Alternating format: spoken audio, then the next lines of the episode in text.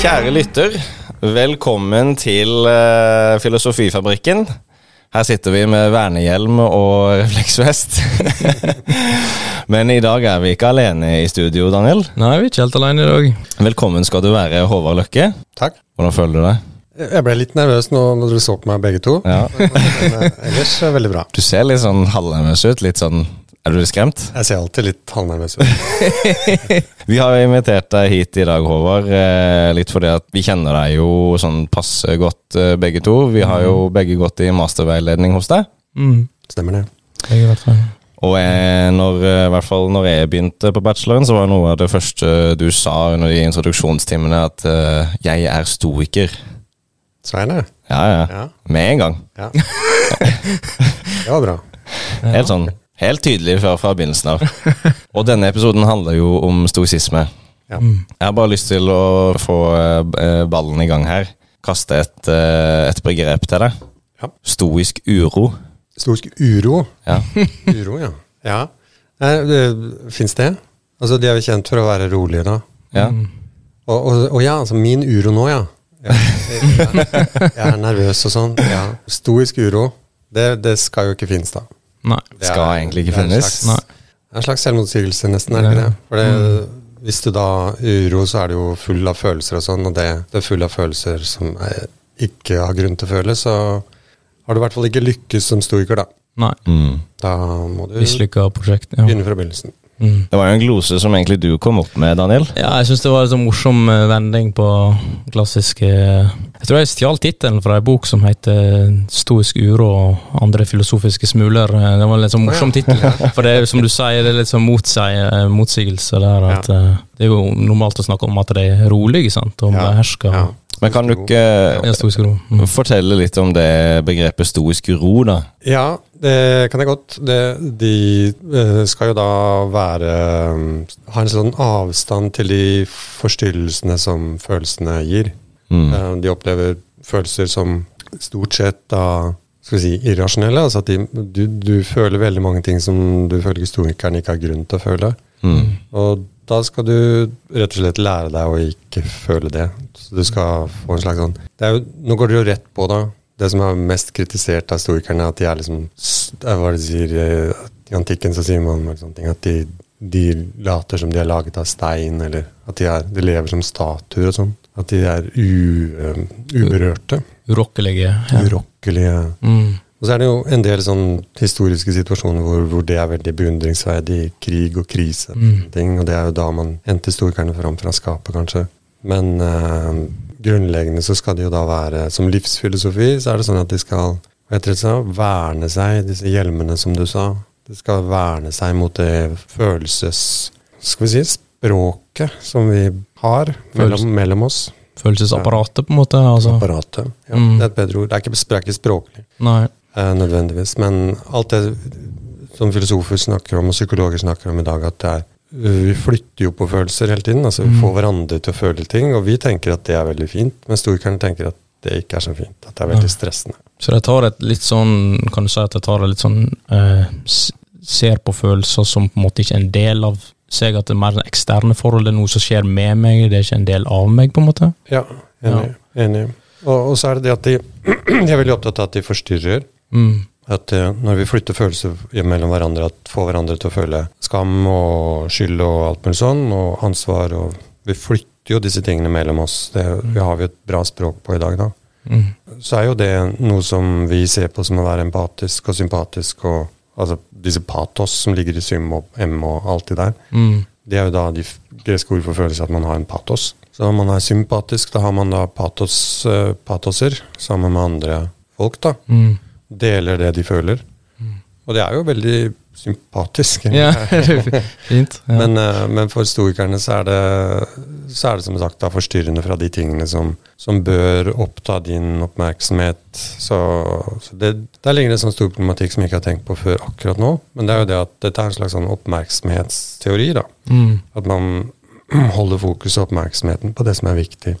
Du hørte det her først. Uh, Filosofifabrikken får Håvard Løkke, filosof, til å tenke på ting han aldri har tenkt på. Til. ja. det skjer bra. Det, skjer bare. det er bra. Skjer fra tid til annen. Så da er det altså, som du sier, men det er jo en klassisk Det er jo en sånn veldig god, gammeldags, klassisk filosofisk skille, det der uh, som alltid er krig, følelser versus fornuft. Ja. Mange skil, drar jo det skillet, og andre kanskje ikke så sterkt. Og, så deres fokus da er da altså på liksom fornuft og kanskje egentlig dyd. At det skal, gjennom det skal vi på en måte eh, oppnå indre ro og slike ting. Slike ting. Ja. ja rett og slett. Ja, ikke sant? Eh, men det er en del sånne fine nyanser å ta der. Jeg vet ikke om dette er riktig anledning for å ta de nyansene, men Ta én. Kan ta én, ja. Kan jeg velge, da. Ja. Um, jo, fornuft og følelser, det, det skillet mellom fornuft og følelser, det er jo vi vant til å trekke ganske skarpt, men, mm. men det er ikke sikkert vi bør gjøre, da. Nei. Så når jeg snakker om jeg snakker som stoiker om følelser, så, så, snakker jeg om hva jeg har grunn til å føle. Men for oss er det sånn at vi bare føler det vi føler. ikke sant? At det mm. ikke er så veldig rasjonelt. da, Men hvis jeg finner ut at jeg liksom ikke har grunn til å lengte etter noe, så er jo det en rar måte å tenke på, for jeg lengter jo allikevel. Ja. Uh, sånn sett så faller det skillet mellom fornuft og følelse faller litt fra hverandre, eller faller sammen. da, mm. Historisk tenkning, for du skal hele tiden være liksom rasjonell i ditt følelsesliv. Og det høres veldig kaldt ut mm. for oss. Men jeg tror ikke det er så kaldt. Det er, det er, det er ikke så hardt heller, tror jeg, da. Nei. Når du snakker nå, så tenker jeg på uh, David Hume, ja. skotske filosofen, ja. som lirte av seg frasen 'fornuft er eh, følelsenes slave'. Mm. Ja, han lirte av seg det. han gjorde jo det. Ja, han gjorde det. Kjente frasen. Ja. Han var god på sånt. Han var god på sånt. Ja. ja det er jo skal vi si, den instrumentelle måten å tenke om, eh, om fornuft og følelse på. At vi liksom har en Det er typisk da, den moderne måten å tenke på, en måte, er at, eh, at uh, følelsen er det som bestemmer retningen på livet vårt, og så bruker vi huet til å finne ut hvordan vi skal komme oss dit. Mm. Litt sånn, Det er David Humes måte å tenke på. da. Og hvis du da får at, at fornuften skal være slave av, av, følelsene, så, så, er det sånn Altså, for han så er det sånn at det, øh, det er et faktum. Altså at følelsen er det som på en måte driver oss framover. Altså det vi føler en tiltrekning mot, eller avasjon mm. mot, er det som bestemmer vår livsretning. Mm. Og det er jo dagens psykolog stort sett enig i, da. Er det ikke ja. det? Jo. jo. Følelsen er sterkere. Følelsen er litt uh, sterkere. Og du, ja. du, nevnte jo tidligere, vi hadde en tidligere episode der vi snakka om begjær og sånne ting, og mm. henhold til Platons uh, Han har jo disse to hestene, sant. Altså ja. den ene skal liksom Fornuften, og du, da beskrev du mer altså fornuft mer som et slags sånn kompass, mens følelser eller sånn begjæret det var mer som en det var mer som denne hesten, for det føles veldig mye som en dragning, som du sier, mot mm. noe. sant? Ja. Altså Du blir liksom dratt i retning dit og dit. Han er skikkelig rik plate, han har råd til to hester. Ja. ja. Hvit og svart. Jeg hadde den der fornuftshesten og begjærshesten, og jeg kom da med kommentaren at det gir kanskje mer mening for meg da, å kalle den fornuftshesten for heller et fornuftskompass. Mm. For følelsene de er, som du beskriver nå, Håvard, veldig drivende. Mm. De beveger meg. Mens fornuften den mer bare den peker i en viss retning. Mm. Og så er det opp til meg å gå i den retningen. Ja. Sånn, sånn tenker jo de fleste som tenker Platon, som tenker til og med Aristoteles. Men, men den historiske måten å tenke på, da altså, Det er riktig det, Pål, at jeg prøver å leve som stoiker. Mm. Uh, helt siden jeg studerte det ja, jeg, jeg møtte historisisme som som sånn teori på Universitetet i Oslo, husker jeg. Da var jeg bare 20. og så Det er jo noe så mye som 30 år siden. Skumle saker, og tida går. Og så er det det at jeg bestemte meg på, Eller jeg, jeg merka raskt at dette var noe som appellerte. Og det er kanskje først og fremst fordi jeg altså Hvis du har disse platonske bildene, og Freud bruker det samme, så har du krefter i deg som driver deg hit og dit. Og det er ikke bare de to hestene, men det er også kusken. ikke sant? Så egentlig er fornuften er kusken som skal holde kontrollen på disse kreftene som drar i ulike retninger. Så det er egentlig tre krefter da, ja, ok. som konkurrerer om Du skal liksom, Hvem hest skal vinne, på en måte? Hvilken ja. hest skal få Det er liksom det gode begjæret og det dårlige begjæret, på en måte. Mm. Mm. Og så er det kusken som skal liksom forhandle mellom de, og over jeg og jeg og id og id alle de kreftene som ja. Så kjenner vi jo til det der store isfjellet under ja. ja til Freud. ikke sant? Mesteparten er under bevissthetens radar. Og, så ja. at vi kanskje er krefter i oss sjøl som er uh, en av hestene eller begge to som drar i retninger som vi ikke engang skjønner hva er. Mm. Og da begynner livet å bli veldig kaotisk. Og sånn, da fikk jeg litt sånn Hva skal vi si? Jeg ble litt sliten av det, Mm. rett og slett. Sånn at, um, det, det, det som du begynte med, Daniel, det der med ro eller uro, Mm. Det var nok litt viktig for meg i det stoiske. Ja. For det, Tenk deg på hvordan du skal, liksom, hvordan skal du gå, da? Hvordan skal du gå til daglig hvis du liksom har disse tre kreftene, og du skal forhandle mellom dem? Hvordan ser en sånn person ut? Hva er rytmen i kroppen? liksom? Det blir veldig sånn Plutselig så føler du det som beveger deg, og så blir du usikker, og så plutselig så merker du at folk ser på deg, og så går du kanskje litt fortere, og så må du rette deg opp i ryggen, og så blir sånn tenåringseksistens hele tiden. Ja, litt Liksom sånn. Svetter hormoner hele veien. ja. Så jeg tenkte at En eller annen måte å bli voksen på er liksom å finne bare, det er bare én bevegelse. da. ja. Det er bare én, én kraft i meg. det er bare én kraft som går, ja. Ja, det er, ja. Det, er, det er sånn som du sa. altså At det er den ene jeget eller et eller annet sånt noe, som, som storkerne da kaller logos, eller rasjonaliteten, da, som, er, som er det som driver deg framover. da. Og det inneholder alle mulige slags eh, ting, sånn som følelser og ambisjoner. og Det er ikke det at du skal isolere deg på et fjell og ikke snakke med folk. Nei. Stoikerne var jo kjempeaktive folk. De var jo er i folkedypet. Ja, de var det. mm. Det finnes jo filosofer i antikken som ønsker å lukke seg ut, ute fra offentligheten, som epikurerende som bare ville ha det gode livet sammen med nære venner, Mm. og lese bøker og drikke vin. Ja. Og Koselig, det. det syns jeg også er utrolig bra. da. Men, men stoikerne er veldig aktive folk, så de, de mener at det er en del av den forpliktelsen i rasjonaliteten at man da liksom forsøker å gjøre så godt som mulig. da. Sånn det er nesten slekt med Peter Singer på det der. Det er, de Mm. kjempeambisiøse på, på liksom De føler at de er på parti med Ja, parti og parti. Nå ble jeg veldig sivil. Men jeg blir litt sånn i tvil på det, for det er litt sånn De er ikke på parti med tida heller, fordi de føler at de lever i Ofte så lever de i kulturer som motarbeider de grunnleggende verdiene. Mm. Så de har veldig sterke ideer om at det er kulturelt forfall. Så min venn Einar er veldig opptatt av sånn kulturelt forfall. Ja. At alt går så dårlig. ja, ikke sant? Fordi Det er stoisk, da. mm. Da ja. må du liksom stå imot kreftene. ikke sant? At du skal være den, den som prinsipielle, rasjonelle personen som ikke lar deg vippe av pinnen, øh, men som alltid holder fokus på det ene rette. da. Som Emosjonelt litt sånn, litt sånn uberørt. Emosjonelt Det høres, jo, det høres jo på en måte litt fint ut, egentlig, dette med indre, u, indre jeg, uro, men eh, indre Det er sikkert så det, Jeg liker litt at Ja, det koker opp, men uh, altså indre ro og, og det at du, som du snakker om, eh, at du, du, du har kontroll. Jeg føler det du på en måte sier er dette aspektet med kontroll, og, og at du er urokkelig i møte med, med motgang. da. Mm. Sånn at du kan ta, Jeg ser ofte for meg jeg ser for meg sto, en stoisk person at det er to personer som opplever akkurat den samme. Den ene er helt rolig, den andre er litt sånn oi shit, har mye uro og reagerer veldig, utreagerer og, Mm. og er veldig ubehagelig. Sant? Men Altså, det, er interessant igjen. Det der med, med kontroll er veldig ofte diskutert i moderne stoisisme. Sånn, skal vi si, Den populariteten som stoisisme har fått, tror jeg har veldig mye å gjøre med det at man er utsatt for veldig mange sterke krefter, og at eh, lever sårbare, åpne liv.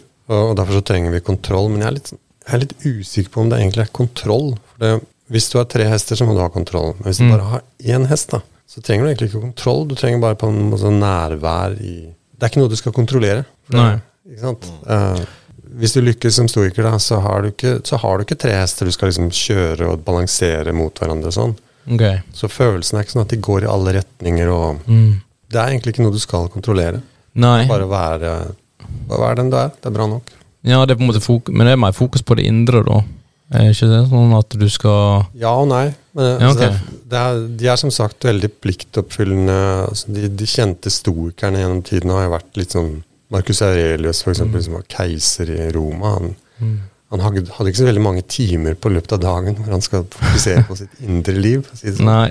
nei. det var mye politikk og hardt arbeid. da. Og ja Steven Spielberg har laget en film med Tom Hanks som heter 'Standing Man'. Det er veldig historisk. og Det er fra 50-tallet. En person som alle andre hyler opp om at eh, det var McCarthy-tiden, ja, tror jeg, i USA. Og de, de var på jakt etter eh, kommunister overalt og sånn. Og så, så var dette var en veldig sånn rasjonell, fornuftig ansatt, jeg tror han var off offentlig ansatt i USA, som rett og slett bare fokuserte på sine verdier, da. Mm. Og fikk kritikk for at han var sånn skapkommunist og sånn, fordi han samarbeidet med russerne Mm. på 50-tallet. Men han var en sånn standing man som sa at nei, men de er good people. Så liksom Mm. holdt fast på de, de tingene. da. Ja. Så, og de er, de er jo aktive folk. Altså for meg så er det jo det å være lærer, da. Mm. Og familiemann. Mm. Det er liksom de, den aktiviteten som du har, hvor du liksom bruker dine stoiske prinsipper, da, er jo stort sett da å arbeide for dere to, da. Studenter og Ja, ikke sant? andre gode folk. Oss to spesifikt. Hva sier du? Oss to spesifikt. ja. Dere to spesifikt, ja. Det er veldig interessant det du sier, for det er en tanke vi hadde når vi forberedte denne episoden. Det var spørsmålet kan rebellen være en stoiker? ja. For det virker som om rebellen går imot denne stoiske roen. Han eller hun er jo beveget av et ganske sånn intenst uh, intens følelse om at noe er galt. Noe er forfallent, kanskje. Men så når du snakker om, eh, om din venn Einar, som også jobber her på UiA, og hvordan han er stoisk i møte med det han ser på som forfallende kulturen, så virker det som om han er, i hvert fall for meg, virker det som om han er både rebell og stoiker samtidig. Så det er spørsmålet, Håvard, kan rebellen være stoiker? ja, men ikke sånn without a cause. Nei, det må være det with the cause, ja. ja. Ikke James Dean. Uh. Nei, det, det, det er um, selvfølgelig utelukket. Uh, Det er ikke sånn at du gir uttrykk for uro eller, eller Jeg er litt usikker på om du skal være stoisk rebell hvis du La oss si politisk sett at du ønsker å jobbe for et, et regimes fall. Mm. Ta hva heter det, Sakharov, altså dissidentene i løpet av 80-tallet i, i gamle Sovjetunionen, f.eks. Altså, ja, man kan finne liksom sånn altså De som jobber motarbeider regimer for å jobbe for dette regimets fall som sådan, da. Eh, eller whistleblowers innenfor bedrifter. Jeg tror at det som skal til for at du skal kunne være stoisk, er nok at du må eh, ha hensikt om ikke bare jobbe for noes fall. Det er, vel- ingen som gjør det, som er bare destruktiv i det. Men du må, du må vel altså, jobbe for et, et eller annet alternativ, en annen måte å gjøre det på. Men det er fullt mulig å være en rebell som stoiker. Det, man kan til og med si, tror jeg, at, um, at det å melde seg inn i stoisisme som en måte å tenke på, da slipper du ikke unna noen kamper. Nei. Så det er sånn at du kanskje til og med må være rebell. For eksempel ja, Det virker litt absurd for meg å si det nå, men en av kampene vi står i på universitetet, er jo liksom Er vi tilhengere av det nye digitale universitetet? Er det det som foregår på skjerm, det som foregår digitalt? Mm. Er det i tråd med universitetets ånd? En stoiker vil være rebell per definisjon i det. um, fordi ja, fordi du er, ikke så, du er ikke så veldig fleksibel. Eh, argumentet om at sånn gjør vi det nå, det funker ikke. Det har ikke noe kraft. Men Storsisme er jo ikke en pragmatisk Nei. måte å tenke på. At det da har kommet en ny teknologi som sier at ja, universitetet skal flytte sin aktivitet over på digitale plattformer. Og sånn er det bare. Det er den holdningen som vi som lærere går med. Mm. Og det er sant, at sånn er det bare. Vi må gjøre jobben vår så godt vi kan innenfor de rammene vi har. Mm. Det begynte jo under covid-perioden, men det fortsetter jo. Og da, det å være stoisk i det vil være å si at nei, men de egentlige verdiene til universitetet er, ligger i ja, mellommenneskelige møter, eh, at man har fysisk, eh, fysisk undervisning. Men da sier du dette med å være stoisk. Eh, for jeg har jo hørt noen komme med et sånn skille, jeg vet ikke om skillet er så veldig sterkt, men de lagde en forskjell da med å være stoisk og å være stoiker, på en måte. At, Ja. at Ta for eksempel, det blir liksom popkulturelt, men Batman, for eksempel. Enkelte hevder jo at han Ja. Han er jo ikke stor, han er jo på en måte litt rebelsk. Altså han går ut og liksom kjemper mot kriminaliteten i Gotham, men at han er litt men at han er, han er liksom sto, stoisk, da, for at han har jo det blikket og liksom roen på innsida, da.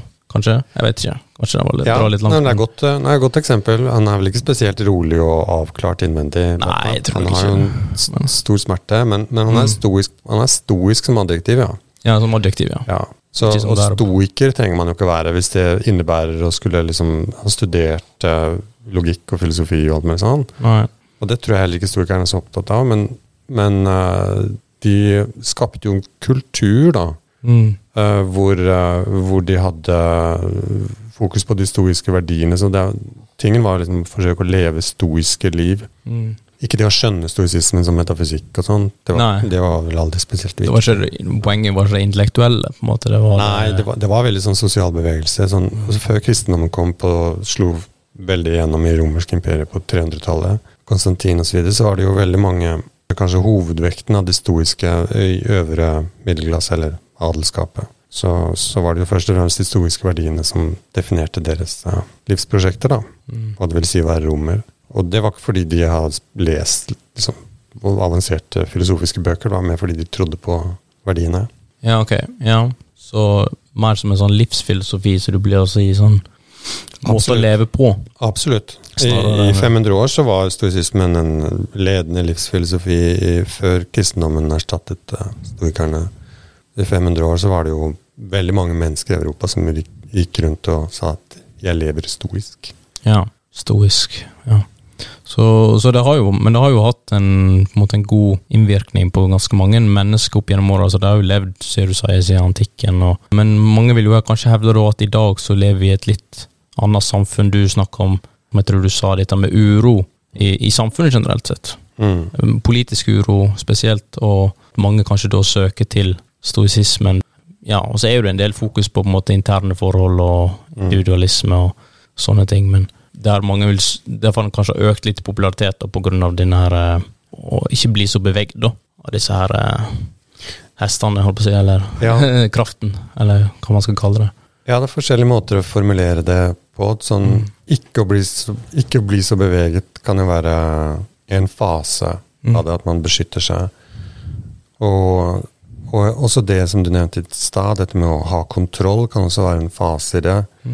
Men jeg tror det er kanskje det som motiverer sterkest med stoisisme, og det tror jeg er veldig i slekt med østlig filosofi som buddhisme, daoisme, som jeg ikke kjenner så godt. Det er vel det at de, at de legger vekt på um, ro i betydningen skal vi si, en slags sånn avklarhet til hva som er viktig for deg sjøl. Mm.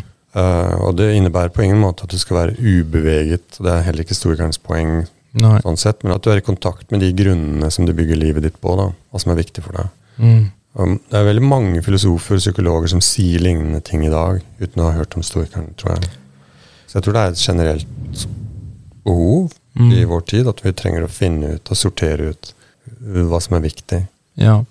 ja, så det er jo litt sånn da Finne sine, sine interesser, finne liksom sin, eh, sin bås i samfunnet på en måte, uten bås kanskje en litt negativ Ja. konnotasjon, men finne sin rolle, da, kanskje er bedre å si. Eh, og, og liksom skli inn i den og passe inn i den, fylle den ut, Ja. og så fokusere på det, kanskje. Ha sin oppmerksomhet retta mot det en syns er godt, Ja, og til det som er det, det er en veldig viktig del av stoisismen. At, uh, selve begrepet om rolle kommer derfra. På, på latin heter det person. Altså persona, som er persona. Ja. den rollen du har. Ja. Og det er I en av bøkene til Cicero så skriver han mye om Dofikis, tror jeg. Bok tre så skriver han mye om den stoiske persona-teorien, altså rolleteorien. da. Mm. Og at vi har forskjellige typer roller. da, Vi er rasjonelle vesener, vi er relasjonelle vesener. Og. Mm. og det er en sånn viktig um, avklaring som ligger i det. Men en av de tingene som jeg er opptatt av nå, er jo det at um, ja, stoisismen har dette individuelle preget, og man har alltid sagt, eller i hvert fall lenge sagt, at helenistisk filosofi, som det heter da, generelt tiden etter Platon og Aristoteles, epikureerne osv., det er individualistisk fokus, fordi man levde i denne store imperienes tid og hadde egentlig ikke politisk makt lenger. Men, men det er ikke helt riktig. Altså, Epikurierne er veldig individualister. De vil trekke seg tilbake til hagen og drikke vin og snakke med, om filosofi, og det Ja. er veldig fint. Men stoikerne har, har, har en veldig sterk politisk filosofi. De er opptatt av det gode samfunn, hvordan de skal regulere samfunnet. Mm. Eh, så det er en rebell i stoisismen, dette motstanden mot uh, ja, skal vi si blind makt, autoritet utenfra. Ja, Den høyeste verdien i stoisk politikk er dette med sånn, det gode fellesskapet, eller filia, vennskapet. Mm. Da er det vennskap mellom Det er noe som er litt problematisk for oss. Altså, det, er ikke så, det, er, det vennskapet er ikke spesielt mangfoldig, for alle stoikere ligner hverandre. Ja, ok. Så der, Ja. der er det et problem. kan man si. Innad kretsen, på en måte. Ja, Harmonisk. sånn. Ja. De kalles jo da liksom eh, Sofia, det, de er liksom vismenn. Mm. De som har kommet langt i stoisisme, da. Og det er jo veldig i slekt med den ideen om at great minds think alike. Altså at alle stoikere er egentlig enige om alt. Mm. Det er ikke noe mangfold i det stoiske fellesskapet, tror jeg. Meningsmannfolk. Nei. Nei, De er stort sett enige om ting, og det, det kan bli kjedelig. Og, og så er det ikke sånn som vi selv tenker om fellesskap i dag. Nei. Vi vil ha mer sånn uenighetsfellesskap. Ja, Uenighetsfellesskap, ja. Mm. Um, det er en del utfordringer der, men politikken er viktig historisk eh, tradisjon. Ja, okay. Det er det som gjør at Cicero for eksempel er stoiker, er at han mener at det er det reelle alternativ til den republikken han elsker, som er i ferd med å bli borte. Mm. Og bygge en stoisk stat, om du vil. Mm. Så han argumenterer veldig sterkt for at filosofene må lese retorikk, eller de må øve seg i retorikk. Som vi gjør her nå, da, på podkasten. Ja. Vi må jobbe for å få en stoisk stat. ja, retorikk er jo veldig politisk eh, Jeg har jo hørt kritikere komme med det at blant annet som med tanke på i dag, da, at stoikerne ønsker å leve litt sånn i harmoni da, med naturen, og litt sånn Mm. at det motgår kanskje litt sånn tanken om, om den der opp og fram-tankegangen om teknologisk framskritt som vi har i dag. Da. Mm. Uh, Selv om den ikke alltid er Altså, de trenger ikke bygge motorvei på motorvei, men uh, Jo, det gjør vi. jo, det gjør vi. Tydeligvis. må komme oss fram, vet du. Så, men uh, hva tenker du om det, da? At sånn i dag, vi har jo veldig sånn Vi skal opp, vi skal fram, vi skal bygge bruer, vi skal Altså. Mm. Det er forresten sånn vi måler samfunnets framskritt. Det er hver meter med motorvei. Ja, mer Det er derfor. Kina er ledende nå, for de hadde ingen meter med motorvei på 80-tallet, og nå har de mest. Ja, nå er det mest, ikke sant? Er det sant? Det er sant. Ja. Ja. ja. Ok. Ja, det, er- det er urovekkende. Det du viser til, det er den ideen om at um, målsetningen, altså måten man um, vurderer om man lever stoisk på Mm.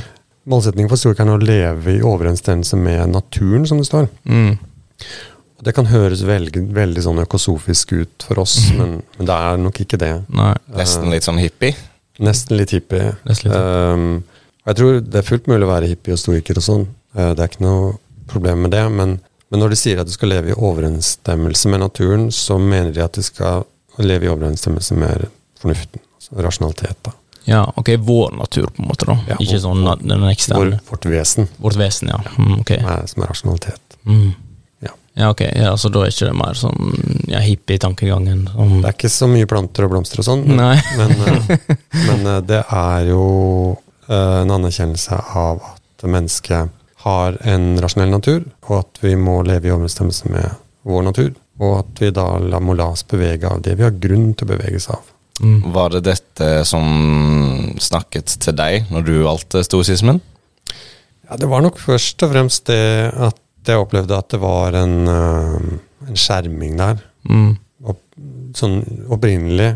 Altså, for å være ærlig så var det også det at, eh, at jeg, jeg var på jakt etter noe hvor jeg kunne gjøre en type arbeid som, som filolog, eller jeg leste jo da, eller leser jo da språkene. Og mye av disse tekstene er jo ikke oversatt.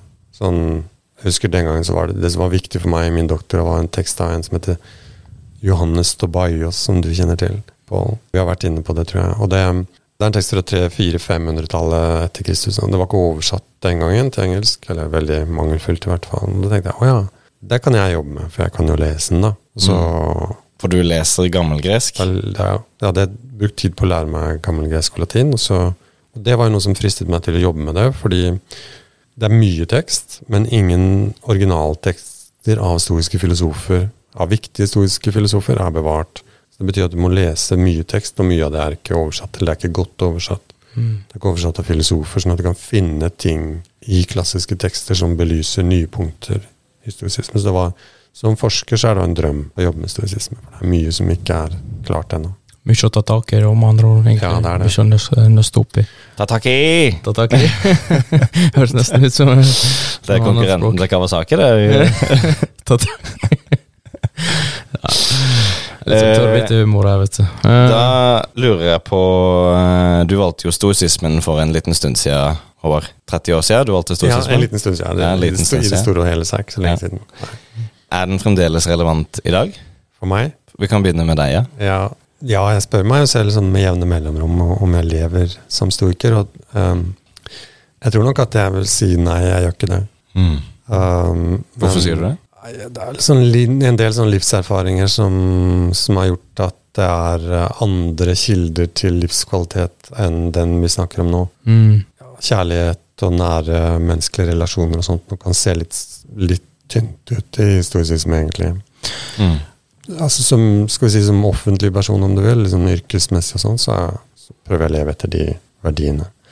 Og så, når det gjelder andre enn meg, så er det jo Jeg ble jo tatt helt på senga når det ble så populært. Mm. Er det vet ikke, fem år siden? Ti år siden? Det kom jo masterstudenter, ikke dere to, men det kom andre studenter som ville skrive om nystoisisme, uten at jeg visste hva det var. Mm. Mm. I sånn faglig sammenheng så er Lawrence Becker skrev om New Stoicism på 80-tallet. Ja. Så var det liksom forbandt med nystoisisme, at han prøvde å aktualisere den klassiske antikke teorien. da. Men det var ikke det studentene tenkte på. De tenkte jo på Jordan Peterson og de ting som kommer etter han.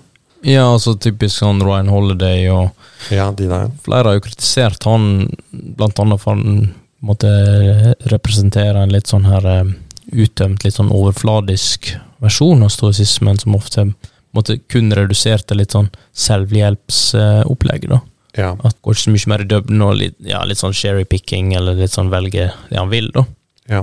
Mange tolker jo eksempel den Daily Stoic-bevegelsen som litt sånn kun fokuserer fokus på selvhjelp. Da. Jeg må dessverre innrømme at jeg ikke kjenner til det. Men, Nei. eh, men jeg kan jo Det går bra.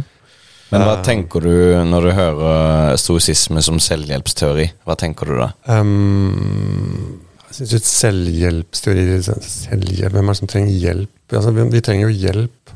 Altså, men sånn, Kanskje feil person å spørre. Altså, for jeg, jeg, jeg syns kanskje det er litt sånn marked. Det første jeg tenker på, er at det liksom er et marked, og hvis det, da, hvis det er behov for hjelp, så bør du kanskje ikke inn på noe marked. Ja, Prat med vennene dine heller, og så kan du Det er ikke så viktig hva du kaller det, men det er kanskje viktigere på en måte å få tid og få liksom ekte relasjoner til folk. og ja, Det finnes flere veier tror jeg, til å finne innhold og mening som vi søker, da, men jeg er ikke sikker på om selvhjelpsmarkedet er så positivt i sånn måte.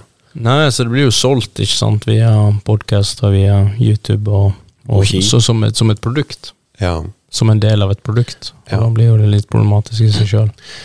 ja jeg syns jo altså markedet generelt er vanskelig i forhold til akademia, syns jeg. da. Mm. Um, en måte som stoisk tankegods uh, har kanskje spilt en positiv rolle på, er innenfor en del sånn skal vi si, kognitive psykologiske retninger, hvor det liksom har, har kanskje virket som en sånn korrek, kor, korrektiv, heter det. Altså at de, de på en måte får ganske Stoisisme er en ganske sånn hverdagslig, kommensensisk ting, egentlig. Mm. Og, og det er ikke så veldig teoretisk og abstrakt. Det kan virke positivt når man snakker psykologi, hvor det ofte kan bli litt sånn overteoretisk noen ganger. Ja, fordi, ja, ok, for kognitiv atferdsterapi Ja. eh, Blant annet er jo litt sånn i samme stil at har litt sånn likhetstrekk med stoisismen i det faktum at det er ofte sånn Ja, du skal liksom føle at følelsen kommer, erkjenne at den er der, eller Mm. tankene en har, for eksempel. Sånn en skal liksom ta et litt sånn avstand som blir ofte beskrevet en sånn analogi, at en står ved siden av en håper jeg, motorvei da, med mange biler, og bilene er liksom ens tanker og følelser, en skal se de og sånn. Ja, det trenger jeg, det trenger jeg ikke, ikke sant? Altså litt, litt Ja, sånne ting, da. ja. Og så bare kjenne at ja, gå, men du kan få gå forbi, liksom, ikke sant? Altså litt sånn eh, Den stilen, det, det er jo litt moderne, og jeg tror mye av det er jo kanskje sikkert inspirert og og litt stoiske, stoiske tanker om det med hva som er viktig for en sjøl, da. Jeg tror det. Og det, eh, I kognitiv atferdsterapi så er det vel også stor vekt på en sånn grunnleggende stoisk idé, som kanskje gestaltterapeuten er mest kjent for. Mm. Det er det at det er avgjørende hvordan du tenker om ting. altså Det eneste du har kontroll over, er hvordan du tenker om en ting. I den grad du skal snakke om kontroll. da. Men det eneste som er opp til deg, det eneste, som, det eneste du er fri til, det eneste du er um, Ja, det eneste du kan gjøre, egentlig. Ja, Det eneste du kan gjøre, er å fokusere på hvordan du opplever det. ja. For det skjer jo uansett. Det er jo Mm. determinister, ikke sant. At det, det som skjer, det skjer uansett. Og hvis det blir en forandring pga. det du har gjort, så er det jo meningen at det skal bli en forandring. Da er du en Mm. del av den kosmiske planen, da. Mm. Det er jo det er stas å være del av en større plan. Ja, det er jo på en måte skjebne, Ja. skjebnetenken. Det er jo det konseptet om amorfati, og Ja. elskens skjebne, eller Ja, Det det, det, det er en, en, en sånn, en sånn eh, kristen eh, idé som ofte assosieres med, med historisk tankegang. Ja.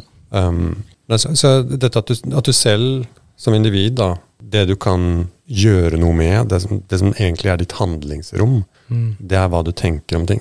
Ja. hva du føler om ting. Er føl tanker er følelser, og følelser er tanker. Altså hvordan du opplever noe, da. Det er, Ja. det, eneste du kan, det er det eneste du kan gjøre. Det er Ja. som er, det som er ditt handlingsrom. Ja. Men når du begynner å bevege armene og løper hit og dit, så, så er det jo forutbestemt hva som skal skje. ja. Men ikke hva du tenker. Det er ikke Nei. forutbestemt. Så det er litt sånn jobb med det du har, da. Jobb med den verktøykassa du allerede har fått utdelt, holdt på å si. Absolutt. absolutt. Ja. Det er veldig sånn psykologisk, da.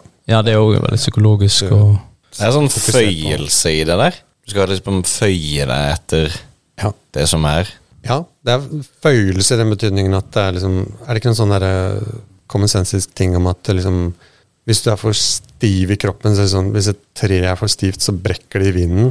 Er er det ikke noen sånn type ting? Mm. At du må føye deg på den måten at du Ja, Bambus, da, altså. Poetisk. Ja, sånn, ja. Bambus som føyer seg Det bøyer seg helt ned til Ja. bakken, og så spretter opp igjen når det ikke Ja. er vind lenger. sant? Så Mm. Resiliens, tror jeg det heter.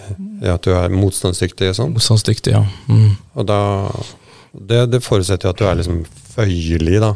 Fleksibel, kanskje? Fleksibel. Ja. Ja, men det, men det, igjen så er det litt rart. Altså, du er fleksibel på den måten at du Det er ikke sånn at du skal, skal gå ut og, og tilpasse deg de verdiene som er i vår tid, men du skal kunne stå Denne Standing Man da, som Tom Hanks spilte, du skal liksom stå for de verdiene uansett hva som blir kasta på deg. da. ja. Så det, sånn sett så er du fleksibel at du kan ja, du kan, du kan ta det været som kommer. da. Du er liksom forberedt på uvær. Ja, forberedt på uvær, ja. Altså, det er jo den tanken om at Jeg ser på det som en slags sånn opprustning, på en måte. Du ruster deg opp til, til dårlige tider, for du vet at ja, det kommer til å være dårlige dager, det kommer til å regne av og til. Kanskje forvente at alltid solskinn, holdt på å si. Ja. Så at du Ja, ok, men når det regner, da er jeg klar. Ja. Altså litt, litt sånn hamstere som samla inn til vinteren, på en Ja. måte. altså Ja. Stoisk hamster.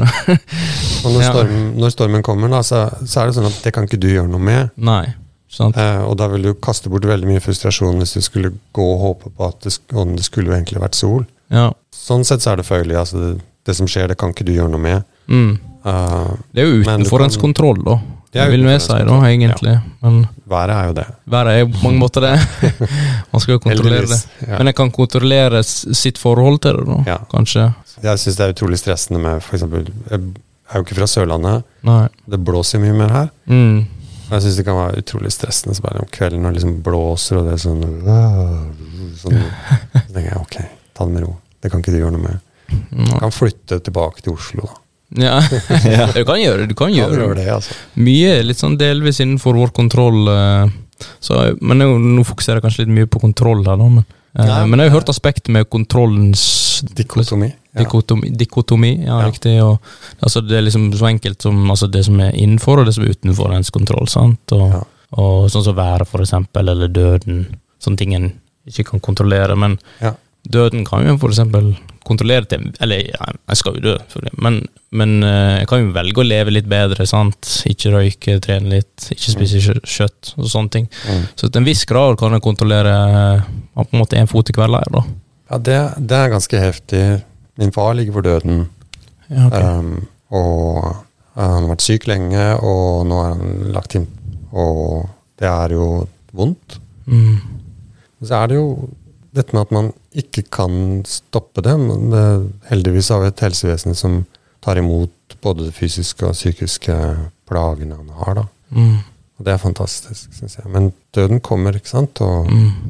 og du kan ikke Uansett hvor teknologisk du blir, så kan man vel egentlig til syvende og sist ikke gjøre noe med det. Selv om man kan Ja, det er kanskje et spørsmål sånn transhumanistisk, men, men per i dag, da, Ja, det er jo snakk om så sånn opplastingsscenario og sånne ting, men det, Ja. akkurat nå fremstår det litt sånn science fiction og, og dette med sånn cryogenics, eh, nedfrysning og Ja. sånne ting, men eh, ja. Men som svar på, på motorveispørsmålet, så er det vel egentlig sånn at, um, at stoikerne vil være sånn litt uinteressert, tror jeg, sånn som jeg er, Mm. i transhumanisme og sånn, men mest interessert i ok, men hvordan skal jeg tenke om det? Mm. Det er det du har. Det er handlingsrommet ditt. Det var altså Mm. ord jeg bare finner på nå, altså handlingsrommet ditt. Men Ja, fint, det. så Mm. det handlingsrommet du har, da, det du kan gjøre noe med, det er hva du tenker, føler, opplever. Det har du faktisk litt styring på, eller kontroll om du vil. Det er ikke sånn at du skal kontrollere deg, dine tanker, at du skal motarbeide visse måter å tenke på. Sånn fy, fy, jeg får ikke lov til å tenke sånn og sånn. sånn kontroll i den betydning at du skal piske deg i retning av en sånn positive thinking. Det er ikke det. Nei. Men, flytende, på en måte. Ja. Ja, og så er det det at det er det eneste du driver med. Det er det eneste du gjør, er å oppleve ting.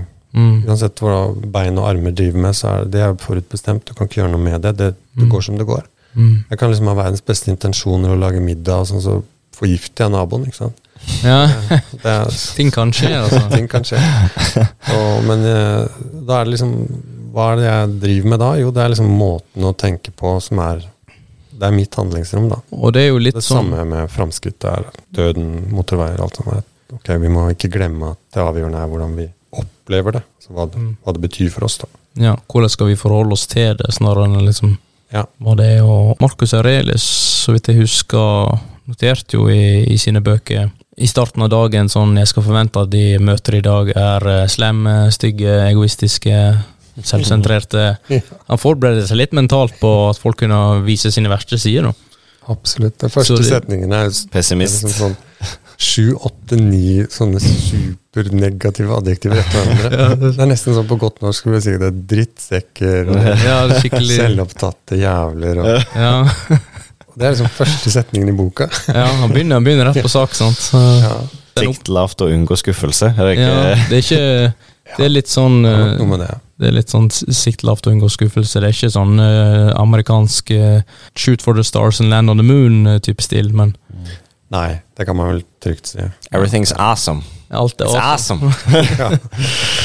Ja, nei, det er jo, men det er òg veldig sånn opp og fram, som man på mange måter kan kritisere. sant? Og, ja, hvor skal vi egentlig?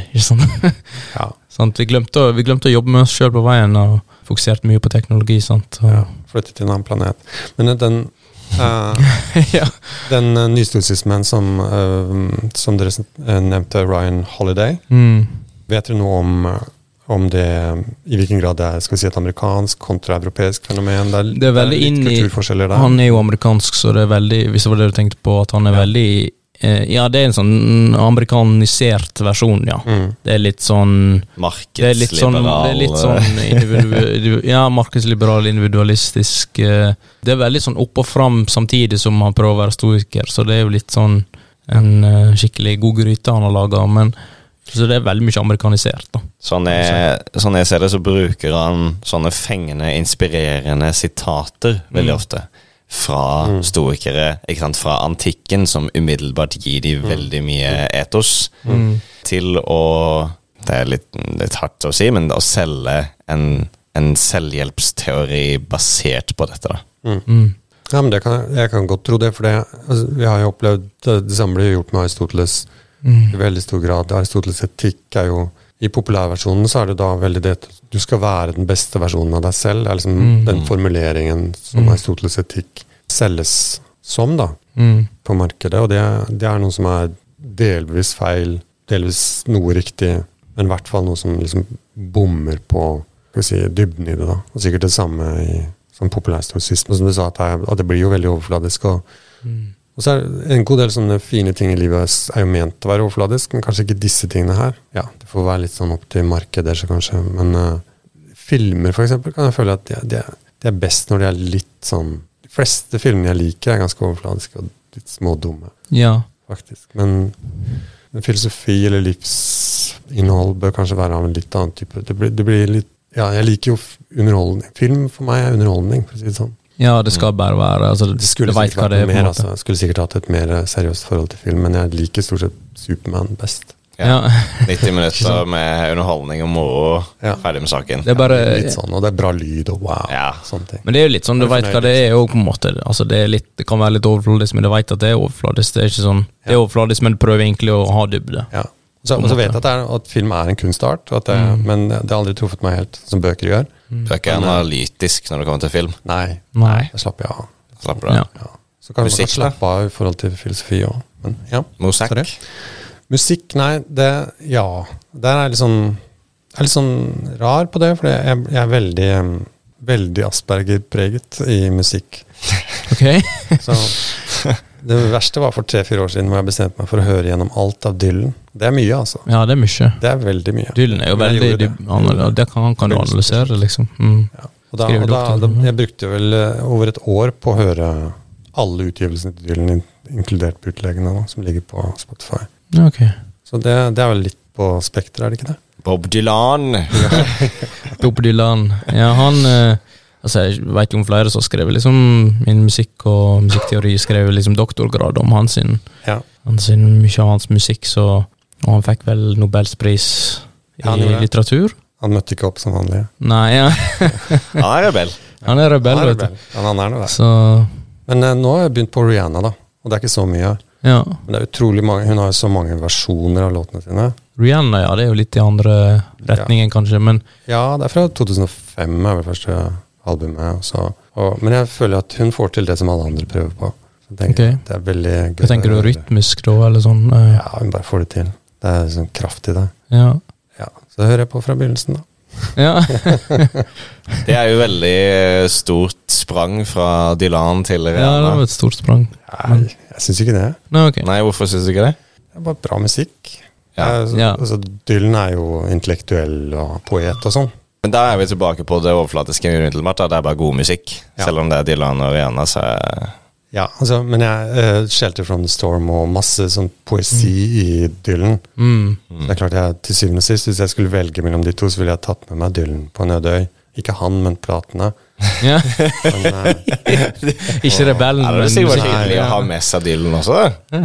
Nei, jeg Kan bli litt masete til tider. Uh, Peace Train. ikke- sånn. Det samme gjelder filosofen. Jeg tror ikke jeg hadde likt dem som personer. Nei. Ok, er det, er det litt sånn ikke møt heltene dine?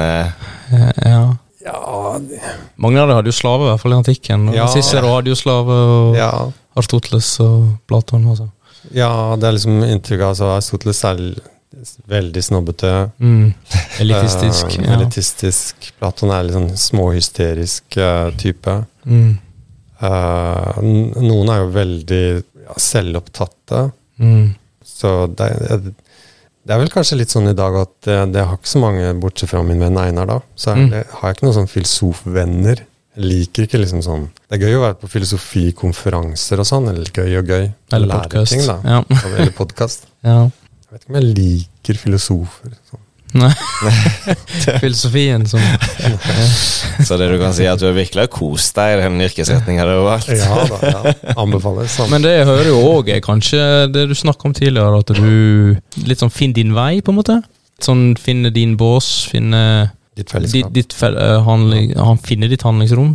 Det kanskje litt Ja. Finn din boss, det er jo veldig sånn føyelig, men kan, går, Ja, kan vi strekke det så langt og si 'skap din boss', hvis den ikke finnes? Ja, det er et godt poeng. Mm. Uh, jeg tror det er um, uh, en veldig aktiv rasjonalitet. Altså mange av de grunnene som du bør la deg bevege av, Mm. er du med på laget. Ikke minst i nære forhold. Så er det sånn Og det er, det er det som kan kanskje redde stoisismen for meg, at vi har mer fokus på det i vår tid. Altså viktigheten av nære relasjoner. da. Mm. Uh, og der skaper du grunnene. altså Sånn er vi. Dette er viktig for oss. Vennskap, kjærlighetsforhold, familie. Du, du er med på å bygge det fellesskapet som beveger deg hver dag. da. Du bidrar til deg. Det er ikke sånn at du er passiv mottaker, Mm. men du lager de. Så du, du lager båsen din, eller lager handlingsrommet ditt. Um, Litt sånn judge, jury, executioner. Litt sånn for ditt eget liv, på en måte. Utenom at det høres litt uh, mer kanskje Ja. dramatisk ut, men at du er med på å skape, du er med på å lage former, da. Forme ens, ens, eh, ens handlingsrom. Ja, det, det blir, kanskje litt, det. Ja. blir kanskje litt svevende og litt teoretisk, men jeg tror at, Ja. det, at det faktisk er sånn at du, du lager det fordi du blir jo beveget av en slags drøm eller fantasi. Det fins fysiske grunner der ute. Én ting er at nå er vi sultne og vi må lage mat og, og sånn. Det er en grunn til å lage middag. Mm. Folk er sultne. Men en annen grunn til å lage middag er jo ideen om middag i en familie. Eller med venner, eller la oss lage noe hyggelig. Mm. Det er bare en drøm eller en fantasi, og så lager man den sammen. Og det beveger seg av liksom, Man inviterer folk, organiserer noe som skjer fordi du har lagd det, som du sier. Og det, det er veldig fascinert av. At du, den rasjonaliteten som stoikerne snakker om, det samme gjelder Aristoteles. Harry Frankfurt, tror jeg. Det, det er en rasjonalitet som beveger deg delvis gjennom at du fantaserer opp hvilke grunner som fins. Ja, For stoisismen har jo blitt kritisert litt for det. Det for å være litt sånn passiv, men dette der høres jo veldig ut som en sånn aktiv Du tar en aktiv rolle i, ditt, i din eget liv og velvære. Min, min måte å, å aktualisere stoisisme på er å innføre den Ja. drømmeargumentet. Drømmeargumentet, ja. ja. I have a dream. Yes, I have a dream. yes, yes. Vi har snakket litt om, eh, ganske mye om hvordan en stoiker ser ut. Ja. Ja. Men hvordan ser en antistoiker ut? Mm. Det er vel Jeg nevnte den favorittfilosofen i moderne tid, Harry Frankfurt. Han har et begrep om en på godt norsk en døgenikt, altså en person som ikke bryr seg om noe. Mm. Wanton heter han på engelsk, da. Careless. Ja. Careless character. Mm. Det tror jeg, jeg vel ikke. er Ja, jeg bryr meg samme Samme det. Samme det. Ja. Jeg orker ikke å tenke på det her. Det er så greit at Det er noe ganske antihistorisk. Ja. Ja, Så en som bare ikke bryr seg. ja. ja jeg, jeg, tror det, altså. Kan kanskje være litt kulturelt bestemt. Sånn, sånn som du sier, Daniel, da, så er det sånn det er det som, Du må finne ut det som er viktig, Mm. og at du skal bygge det rundt det som er viktig. Og da vil jo antihistorisk være det at du ikke syns noe er viktig. Alt er det samme. Mm. Og det er litt interessant. Det er mange ting som er interessant med stoisisme. Eller interessant å være filosof, kanskje. Men blir ofte, når historikerne snakker om at de ikke skal la seg berøre, så er det den apates, heter det på gresk. Og så sier man ofte ja, men da er du apatisk. For det er vårt, behov, vårt moderne begrep om apati. Men den apatiske er faktisk antihistorisk. Altså den som ikke bryr Mm. seg. Mm. Uh, så det Jeg tror det er riktig å si at, at det er en skikkelig feiloversettelse av det greske ordet apates. da. Det er å være uberørt, men ikke apatisk. Så hvis du er apatisk, så er du antistoisk, tror jeg. ja. Hvis du ikke lar deg berøre av noe. Du må la deg berøre av noe, men det du berører deg av, er på en måte innenfor ditt liksom ditt rammeverk, da, hvis Ja. jeg kan si det på den måten. Det, det som er viktig for deg. Mm. Det er viktig for deg, ja. Så folk som har antennene veldig ute, og kjenner på eh, folk rundt seg hele tida, og, og eventuell uro eller glede, eller hva det måtte være, og som lar seg svaie med vinden veldig sterkt. Mm. Det vil ikke være stoikere, men de er mer stoiske enn de som er helt som stein, som ikke lar seg bevege av noen ting. Jeg syns det.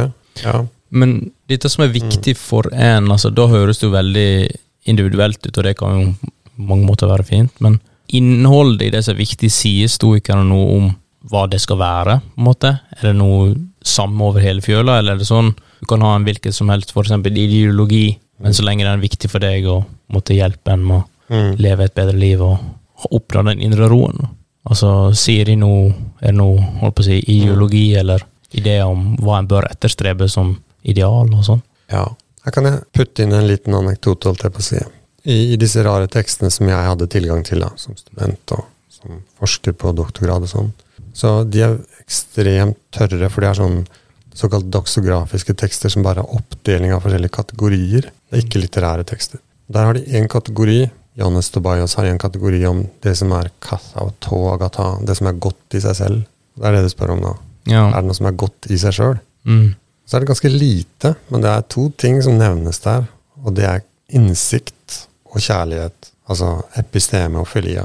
Og det har vært min sånn livsting, da. De to. ja. Mer innsikt, mer kjærlighet. Eh, Altså ikke, ikke nødvendigvis mer kjærlighet, men altså et, et bedre kjærlighetsliv og et bedre kunnskapsliv, da. Så de tingene er i hvert fall, ifølge den teksten, da, verdier som du ikke kan forhandle deg bort fra, eller Mm. være fleksibel i forhold til. De står fast. Ja, litt moderne. Å dyrke på en måte medmenneskelige relasjoner som du har i din omgangskrets, på en måte. Familie, venner. Ja, det med filia eller vennskap er litt lite fokusert på, så, okay. og litt lite forska på historikerne, fordi de blir sett på som litt sånn Ja. steinindividualister. Malcolm Schofield har skrevet en veldig vakker bok som heter The Stoic City, om hvordan en stoisk by tenkes, da. Idealbyen for stoikerne.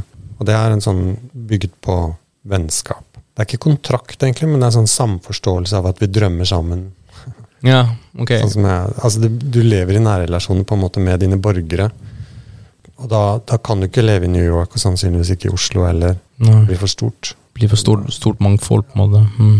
Jeg tror nok at det er litt mer eh, de små om byene som tradisjonelt Aten var, da. Som, Ja. på størrelse med Kristiansand. ja, det var vel omtrent det. Litt mindre folketall, kanskje, men Ja, så hvis vi da tar bort hele problematikken rundt sosialt urett rundt slaver og kjønn og sånne ting, så har vi da en liten politisk enhet. Altså det er desentralisert. Det tror jeg på. Ja, ok. Desentralisert, ja. Det, det er nok eh, Og der, der, kan det finnes forskjeller. Jeg tror du, eller som sier, Kystlandsbyer og fjellandsbyer de kan ha hver sine historiske fellesskaper. Ja, ok. Det kan vi snakke om en annen gang, kanskje. Jo da, det er jo mye å hente der. Ja, så mellommenneskelige relasjoner, det jeg tenker. Men det, for det er jo mye av Det er mye bare der, liksom, alene. Eh, i, I, på en måte hvordan vi ja. ter oss, pleier jeg å si. Altså hvordan vi opptrer som ja. enkeltindivid. Og det, det, tror jeg veldig mye fordi de gode egenskapene, det som er godt i det menneskelige, er stort sett ting som vi trenger andre for å realisere. Mm. Uh, det er veldig vanskelig å være i relasjon til noe som ikke fins. Mm. Man kan drømme det opp til en viss forstand, men det må være noen der man drømmer det opp sammen med, tror jeg. Eller så blir det en ren vrangforestilling eller ren fiksjon, at man føler at man lever på tilhører 68-bevegelsen eller ja. noe sånt. Og at man ja. lever fortsatt der, eller noe sånt. Og det kan man jo gjøre og møtes og drikke rødvin hver onsdag. Det, det er fint, det. Mm. Men man lever på en måte ikke i det fortsatt. da. Så mm. det må være noe som er til stede der ute, som du drømmer sammen med. Det er det som er viktigheten av fellesskap. Man lager disse gode ja, det, er verdier som er helt avhengig av, av, av fellesskapet for å realiseres. Mm. jeg legger litt sånn ekstra vekt på det i kontrast til den populærstoisismen som er veldig individualistisk. da. Det er riktig som du sier at du skal ta vare på seg sjøl i det òg, altså. Men det er en politisk teori der. Så ikke glem deg sjøl politiske, men uh, ikke glem det politiske heller. Ikke glem det politiske heller, ja. Ikke glem det politiske i deg selv. Oh. Feminisme, skal vi ta det? skal vi ta det? Ja. Og så eh, er det jo Det var litt om kjærlighet og innsikt. Den er jo veldig interessant med tanke på det vi snakket om om stoisisme. Innsikt. Ja. Er det en tilfeldighet? Å se innover. At det er innsikt og ikke kunnskap, f.eks.? Ja, det er, det er litt uh, fritt oversatt fra min side. Jeg kunne ha sagt kunnskap eller viten, eller sånn, men de, det finnes jo mange sånne kognitive termer. skal vi si da. Men stoikerne er veldig opptatt av, og en av de som driver fram dette med synaestesis og conscientia, altså at man har en sånn medforståelses det som vi har som samvittighet. Da. Jeg tror at den stoiske kunnskapen den er litt mer eh, Den er ikke sånn vitenskapelig som Aristoteles beskriver i annen analytikken, som dere kjenner til, gutter. Som, mm. som har studert filosofi. Ja. Uh, og, og det, le, det, lever ikke opp til antikkens eller det moderne idealene om å være vitenskapelig, tror jeg. Mm. Så det er interessant i seg selv hva som er den høyeste nivået av stoisk forståelse eller innsikt. Uh, jeg tror en filosof som Tyler Birch er veldig mye tettere på historisismen. Det kan vi også ta en annen gang. Ja, men så, så du, du, har jo snakka litt om noe Ja, det er jo litt, litt andre verdier i, i, i, dag, på en måte, da som kanskje litt, eh, skiller seg litt fra de stoiske verdiene? Ja, men det, men det, har det vel alltid vært, tror jeg. Det har alltid vært, ja. ja mm. altså det er ikke sånn at, Jeg tror ikke historikerne følte seg spesielt hjemme i samfunnet i, i antikken. Nei. Altså, de, de, følte nok at de vassa i en uendelig strøm av udugelige folk. og det er jo litt rart. Markus Aurelius skriver jo det. Ja. Kommer til å møte en Møte drittsekker og ja. Mm. For det og, Så det er nedlatenhet, eh, om du vil, inn, innbakt i, mm. Men det er det i all antikk filosofi. Ja. Så det er en elitistisk tradisjon. Mm. mm. Egentlig. Det som er annerledes historikerne, er jo det at alle har muligheten. Altså slaven har rasjonaliteten i seg. Så Epiktet var jo da ikke en adelsperson, tvert imot en slave, men han, han var jo da kunne utviklet seg til å bli en rasjonell nesten en vis person. Så rasjonaliteten er jevnt spredd utover i alle medlemmer av menneskeheten. Det var det stoiske bevegelsen som først tenkte, altså den grunnleggende kristne tanken om at alle har muligheten til å komme inn i Guds rike. Ja. Så det er en menneskelighet i det, sånn sett. Så det er fornuften som er håpet for eh, stoikerne? Fornuften er håpet, og alle mennesker har fra naturens side like mye av den. Mm. Ja, ok, så vi er liksom Men fornuften, ikke den moderne, kalkulerende, tekniske fornuften. Nei. Men det er menneskets innsikt i det som er godt. Altså poenget med menneskets eksistens. Ikke evnen til å finne ut gyldigheten til en syllogisme? Nei. Det er det ikke. De var veldig glad i logikk. De fant jo opp moderne logikk før Frege. Okay. Så hele, hele, setningslogikken er stoisk opprinnelse, og det forskes mye på det laget hvordan den stoiske logikken er annerledes enn Aristoteles logikk. Mm. Mm. Så de er briljante logikere. tingen er jo, altså, I stoisk metafysikk så er det ikke sånn at du har objekter som har egenskaper. Det er grunnlaget for Aristoteles mm. De om de, til, de, egenskapene tilhører noen, alle eller ingen av de objektene. Men for historikerne så består jo virkeligheten av hendelser, ting mm. som skjer. Altså fakta. Ja. Altså, nå blåser det. Empiri. Prosesser, på en måte. Prosesser. Ja. Og da, Det kommer jo ikke til uttrykk på samme måte i substanser med egenskaper. Da har man at-setninger. Mm. Så det faktum at det regner, betyr at sånn og sånn. Ja, Årsak og virkning. Mm. Og da utviklet vi en ny logikk for å fange opp det som faktisk skjer, eller det som virkeligheten består av. Ikke substanser med egenskaper, men hendelser. Mm. Den hendelseslogikken er jo da setningslogikken hvis så. Ja. Enten så regner det, eller så regner det ikke. Mm. Uh, og det er en ny måte å tenke logikk på, som er vår moderne logikk. ja. Så det er litt gøy. Men trodde de da på, på, på de eldre gudene, da? Eller sånn? At skjebnen og den slags ting? Ja, det er, det er en god del rom i det stoiske palasset, da, kan man si. Zenon var den første stoikeren som da Zenon fra, fra Rådos, var han vel. De var jo ikke fra Aten. Altså de, det var som om folk skulle komme fra Hammerfest og bosette seg i Oslo. Mm. Så de var fra liksom skikkelig utafor. Mindre småplasser? Mm. Mindre småplasser, og de snakka ikke noe spesielt pent gresk, for å si det sånn. I det hele tatt kanskje ikke gresk heller. Men så kom de jo til Aten og etablerte en skole der, så de var jo kosmopolitter i utgangspunktet. De var fra andre steder i verden. Mm. Men den, den personen som arvet den stoiske ledelsen over den stoiske skolen, da, eh, som det, man kan si det på den måten Dette er 100 år etter Aristoteles død, ca. Så han, eh, han het Kleante, så han var veldig opptatt av Gud, Mm. teologi og sånt. Det er ikke så mye lest i dag, men eh, han skrev sånn hymner til Guds, til Sevs, og han, han var veldig opptatt av teologi, da. Det er unntaksvis at stoikerne er spesielt opptatt av, av gudelæren. Ja, ok. De er monotoister, det fins bare én gud. Ja. Naturen. Naturen. Naturen er Gud. Sånn Naturen er Gud, sier. Spinoza sier det samme. Mm, okay. Naturen er Gud. De hadde troa, for det er jo ikke alle som har tro i dag på, måte, på dette aspektet med skjebnen, da.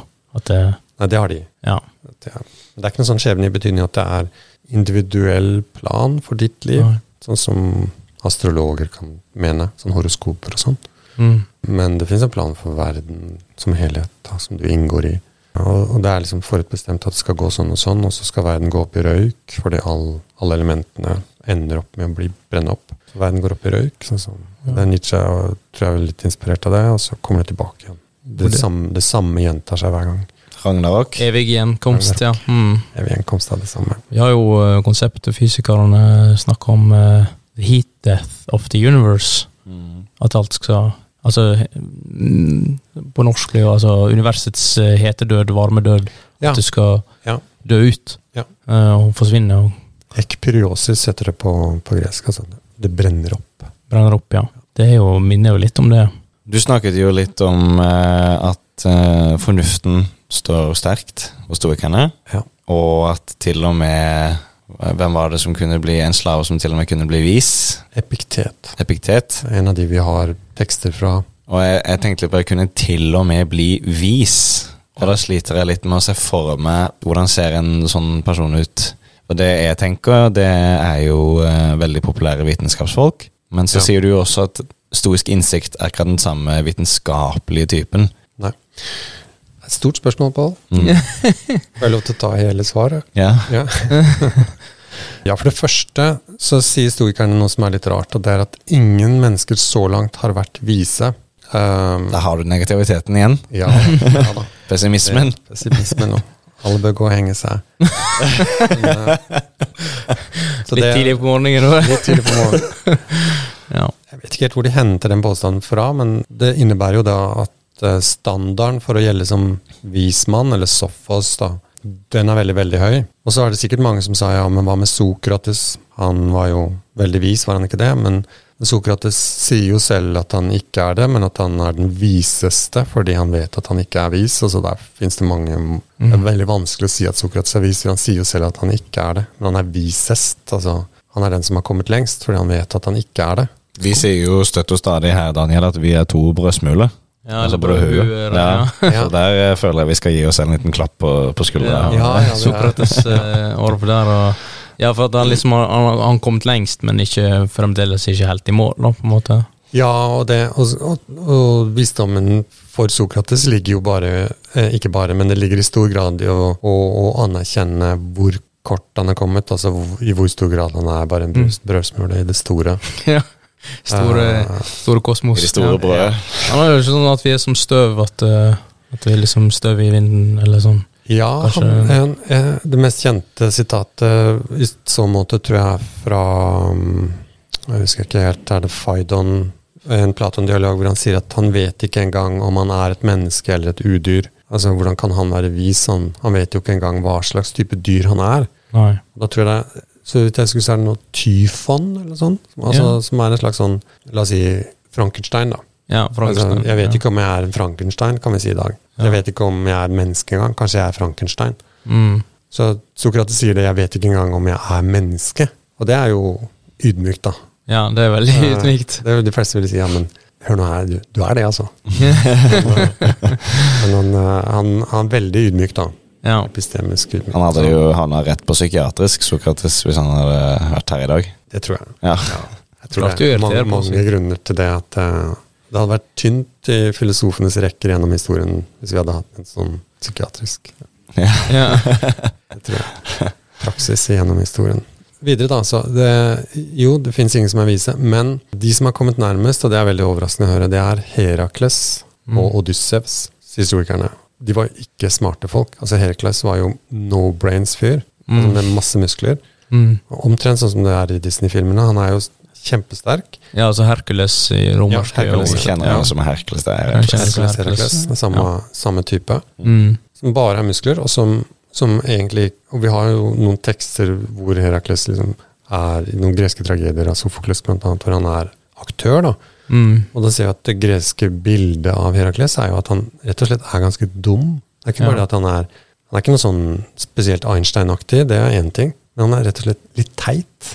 Ja. Og så sier historikeren han er den nærmeste vi har kommet til vismann. Og Odyssevs han er en sleip jævel som ljuger seg ut av alle situasjoner. Er Den mest umoralske fyren i hele Homer, syns jeg. Mm. Han er altså nærmeste vi kommer. Så det er veldig rart, da. Så det har jeg lurt på. Mm. Men, men den eneste måten jeg får det til å gi mening på, er at eh, Herakles og Odyssevs de forandret verden. Og det er det som gjør dem til vise. da. De hadde utrolig påvirkningskraft. ja. Så Herakles gjorde om verdens utvikling. Altså han drepte så mange mennesker at, uh, at ting ble forandret. Han retta liksom verdens uh, skjeve gang opp et par hakk, kanskje. Selv om han En stor, Mord. en sånn ja. totalt idiotisk rebell. da. På en måte Litt sånn Pol Pot-aktig type. Pol Pot, ja. Det er skremmende tanke at du liksom kan si vi skal peke på våre vismenn i vår tid, så vil det være litt sånn Mussolini-aktig. Altså at det er folk som virkelig har stått bak katastrofer. ja. Hitler, ikke sant? Hitler, liksom. Ja. Der er det et eller annet som er gærent. Men jeg tar det for langt nå, altså. Men, men det, det som ser ut til å være begrunnelsen til at Odyssevs og Herakles er det nærmeste vi kommer vismenn, det, det kan ikke være fordi de er spesielt smarte, for det er de ikke. Mm. Men det må være fordi de har en enorm påvirkningskraft på verdens utvikling. De gjør handlinger som forandrer historiens gang, da. ja. Stort handlingsrom, kanskje. At de liksom bryter med Altså, de skaper et veldig sånn innflytelsesrikt eh, rammeverk, da, eller at det Ja, de er i hvert fall ikke moralsk høyverdige Nei. eller intelligente, men de, jeg får det ikke helt til å stemme. Men det eneste tolkningen som gir mening for meg, er at de, det de har til felles, disse to folkene, er at de gjorde handlinger som, som fikk veldig stor konsekvens for verdens utvikling. De skapte noe nytt, faktisk. Ja. Det sies jo om eh, Nietzsche har samme beundring overfor Napoleon. Mm. ja, at han på en måte var, var ikke redd for å, å tenke nytt. Og Ja, og ødela veldig mye. ja, og ødela veldig destruktiv. eh, Ja. Jeg har et tolkningsforslag. For jeg har også lest litt av uh, Herakles når han er på det her eh, Er sammen med argonautene og Jason. ja, stemmer det. Myten om Jason. Ja. Der er jo Herakles Han framstår ikke som dum som sådan, men han framstår som en sånn stor brute. Som en Ja. sånn eh, Mer muskler enn hjerne, det gjør han. Men også veldig sympatisk type. Ja. Jeg syns veldig synd på Herakles. ja. Han har jo led, lidd en utrolig tragisk skjebne. Mm. Hva om det er at så kan jeg si det fordi Herakles er i harmoni med sin natur, fullt og helt? Mm. Han bestrider ikke sin natur. Mm. Og kanskje Odysseus også er det. Kanskje det er det at hans natur er å være en slesk, eh, sleip eh, satan. Altså. Ja. Hans handlinger ble politisk gjennom å være på en måte i Mm. med seg sjøl. Så Selv om kanskje det er politisk, altså du snakker litt Mussolini, at det kan være i dag, i dag kanskje oppe det litt sånn Ja. ideologisk problematisk. da, så. Men den, den, det, er, det er en god tolkning, altså. For det, det kan jo være det at de Hvis vi tenker at det som gjør at du lever i tråd med din natur, eller i tråd med naturen, så har jeg sagt at det betyr at du lever rasjonelt. Men så er det ikke rasjonelt i den betydningen at du er hyperrasjonell eller kunnskapsrik eller sånt. Det er ikke det. Men kanskje det er enda større kontrast til det Nå har jeg bare drevet med dette i 30 år, så jeg kan ta veldig feil. Det er helt sant, det. Bare 30? Ja. Bare 30, noen 30. Men kanskje det er det at leve i tråd med naturen betyr at du er ærlig overfor hvem du er. Mm. Så nå tolker jeg legger ord i munnen på deg, men at du er at Herakles og Odysseus var, de var på en måte ærlige overfor hvem de er, og kanskje også hva det vil si å være menneske. At de er litt sånn Det er litt synd på dem. Det er faktisk synd på dem begge to. Mm. Jeg syns, det er vanskelig å synes synd på dem, fordi de Herakles eh, møter jo situasjonen med Han får disse, alle disse oppdragene. Og så underveis så, så opplever han jo forferdelige tragedier personlig. At han tar, tar livet av sine egne barn, f.eks., uten å vite det. Mm. Mm. Og det er klart, det er fryktelig synd på fyren. Men det er samtidig vanskelig å synes synd på han, for han har tatt livet av 500 mennesker. Mm. Mm. I raseri, og han er jo en massemorder, egentlig. Mm. Til og med etter gresk målestokk så er han en, en fyr som er helt ute av kontroll. Mm. Helt ute av kontroll, ja. Og, og det er det som gjør at det er synd på han. Og Odysseus er jo en fyr som har mistet Odysseus er en veldig interessant skikkelse. altså Han har mistet på en måte grunnlaget for sin litt borgerlige eksistens. At han, han er liksom sjef i en sånn litt uviktig by et sted, og har et bra familieliv. Men så må han melde seg på denne storkongen Agamemnon som liksom vil ha han med, og så er han veldig dyktig. Og så er han den eneste som egentlig greier seg og kommer seg hjem igjen og får det til å funke. Så han greier å bygge videre på livet sitt da, og få kontakt med sønnen sin og sin Penelope og sin kone, og at han tar opp igjen livet der det ble avbrutt. Og det er det ingen andre, tror jeg, som greier Mm. i Homers epos. Kanskje noen litt mer ubetydelige skikkelser, men ingen av hovedskikkelsene gjør det. Men underveis er det veldig synd på Odyssevs òg. Så selv om han ljuger seg ut av alle mulige situasjoner og bløffer kameratene sine sånn at de blir spist opp mens han, han binder seg fast i masten når de seiler forbi Mm. sirenene, ikke sant? Mm. Og så vet han jo at kameratene hans kommer til å bli drept. De kommer til å hoppe ut i havet og bli spist opp av de Mm. Hva var det de heter, de der eh, Sirene. Sirene. sirenene? Han vet det, men han binder seg selv fast. Han binder ikke fram bestekameraten sin for at du også skal bli redda. Nei da, det er bare han selv. Så det er liksom sånn Det er ikke så sympatisk, men det er jo synd på han, da. For han har, Men- vært, han har vært gjennom veldig mange prøvelser. Fortalte han ikke at de skulle stikke et eller annet i ørene så de ikke kunne høre det, men han ville høre det og overleve? Jo, det ja, det, jo da, Mm. du har rett. Det, det er det. Det er ofte kjent som første, en av de historiske første, det med at han binder seg fast i masta, dette med pre-commitment. Mm. Hva ligger i det? Eh, Pre-commitment er jo Det er jo litt som mod- i moderne tid, sånn for eksempel når du Hvis en person ønsker å slutte å røyke, for eksempel, Ja. og så sier jeg at jeg skal liksom slutte å røyke, og skal innen den datoen slutte å røyke, og hvis ikke, så må jeg gi 10 000 kroner til en organisasjon som jeg hater, eksempel. Mm. Og i forkant av det så gi, Mm. leverer den personen eksempel 10 000 kroner til en kamerat og sier du må holde på de pengene, og Mm. hvis jeg ikke har gjort det innen den dagen, så må du sende det til Mm. organisasjonen jeg virkelig misliker. sant? Mm. Litt som for å motivere, da. Ja. Og, og da liksom pre-commit, da. Så i stedet, altså Mm. At han binder seg fast for at de kommer til å Mm. Og det er jo litt sånn opprustningstankegang der, da, kanskje. Mm. Uh, henhold til eh, Jeg sier opprustning, kanskje litt mye, men Det dette med å også en bare- scene i en James Dean-film som Mm. illustrerer det veldig godt, hvor uh, de spiller chicken, hvor som er å kjøre mot en klippe Mm. I hver sin bil, Ja. og så er sistemann til å bremse. Mm. Eller sistemann til å svinge unna, er det vel, Mm. for det- de har så dårlige bremser, de gamle bilene. Mm. Og så setter de av gårde, og så tar James Dean, mens han andre ser på, og røsker ut rattet og hiver det ut vinduet. Mm. Så han binder seg til den skjebnen. Mm. Forteller, viser tydelig at nå er det ute av mine hender, bokstavelig talt. Det var kanskje litt bedre å si det, men binde seg, ja. Mm. Ja. Binde seg til skjebnen, og, og, og du låser deg fast. Ja, nå skal dette være mitt handlingsrom. Mm. Det er Du får ikke lov å gå ut her. Mm. Og så, da da kan du liksom mer eh, forutsigbart, mer kontroll. ikke Sant? Mer sånn. Akkurat det Odysseus gjør, han binder seg jo til masta. Eller lar seg binde. Så det kan kanskje være en stoisk Ja, vi snakka om i stad at jeg synd på det. Det er Herakles i hvert fall. Som, gjennom veldig store prøvelser, Odysseus også. mm. Men et annet aspekt av det samme som er kanskje tydeligst til det dere snakker om, er at det er ganske beundringsverdig. da. Og, men begge disse tingene er jo på en måte sosiale, så det høres litt rart ut at du blir Den som er gjenstand for mest beundring, er den som ligger best an til å være vis person. Mm. Så det, det er nok ikke helt det heller, men det, det er noe Det som James Dean gjør i den Aristoteles ville sagt noe i nærheten at det er en sånn, sånn storsjelethet i det. Altså at det er noe sånn derre eh, Og det er det som er gjenstand for det beundringsverdige, er vel at du er liksom sånn kompromissløs. Mm. Du gjør noe som er liksom så stort, da. Idealistisk. Ja. Å gå døden i møte og liksom og leve sånn høyrisikoliv. Mm. Mm. Det er nok også et element i disse beundringsverdige antikke skjebnene, da. Men jeg har ennå ikke greid å lande på noe der. Nei. Jeg vil, eh, jeg vil prøve å gjøre en case for at eh, Herakles er litt sympatisk. Ja. Og ved å sammenligne han med Persevs. Ja. For Persevs, i den myten hvor han da slakter Medusa, Mm. og den her, det her sjøuhyret i Libya, og redder Andromeda, prinsessen av Libya, er utrolig estetisk myte. Jeg kjenner jeg holder på å dåne når jeg leser det.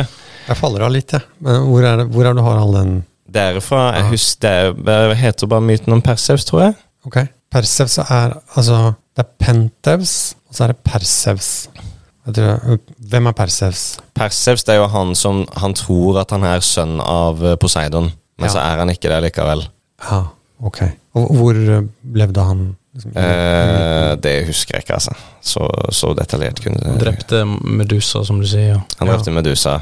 Uansett, poenget er bare at uh, Persevs han får jo også masse oppdrag. ja, det da er jeg med. Ja. Det som jeg liker med, med Erakles sammenlignet med Perseus, er at Perseus han er skikkelig bare sånn Han tenker ikke, han bare gjør det, han. er altså bare, det, det er ingen selvråderett i den skallen hans. Han bare gjør det. Og resultatet er at han blir en sånn veldig sånn estetisk helt. Som jeg sier, jeg holder på å dåne når jeg leser det. Det er veldig flott å lese når han bare er i regi av gudene. Men det som gir meg sympati med Herakles når han er med argonautene, da, er at Herakles han tenker sjøl. Han er ikke enig i det alt gudene sier, og det er ikke Jason heller. Så jeg skjønner at Herakles han, han er jo brutal, han er massemorder, som du sier. Men han, det virker som om han har litt mer egen tenkning mellom ørene enn det f.eks. Perseus har. Ja, det, det har du nok rett i. Jeg, jeg tenkte ikke så mye på Jeg leste den um, Argonautica forfjor, var det vel, da jeg hadde student Emmy som skrev om det til Mm. master. Det syns jeg er vanskelig verk å komme litt sånn inn i. Um, men jeg hadde fokus på Jason og Medea veldig, så jeg fikk ikke helt med meg Herakles der. Mm. Men det er en, en tragedie av Sofokles som heter um, eh, Han har jo bare sju, sju bevarte tragedier, vel. Uh, ja, det er litt usikker på hva tittelen er, men det er noe med Deina, Deinarea eller annet sånt. Som, en, en ny oversettelse som har kommet av det, hvor Herakles da kommer også tilbake til sin lille kongedømme, da, og til sin kone og til sin sønn, sånn som Odysseus gjør. Der er det også en parallell. Men dette er da før Troja-krigen, det er vel eldre enn det. Det er fra en av disse prøvelsene som han har vært gjennom.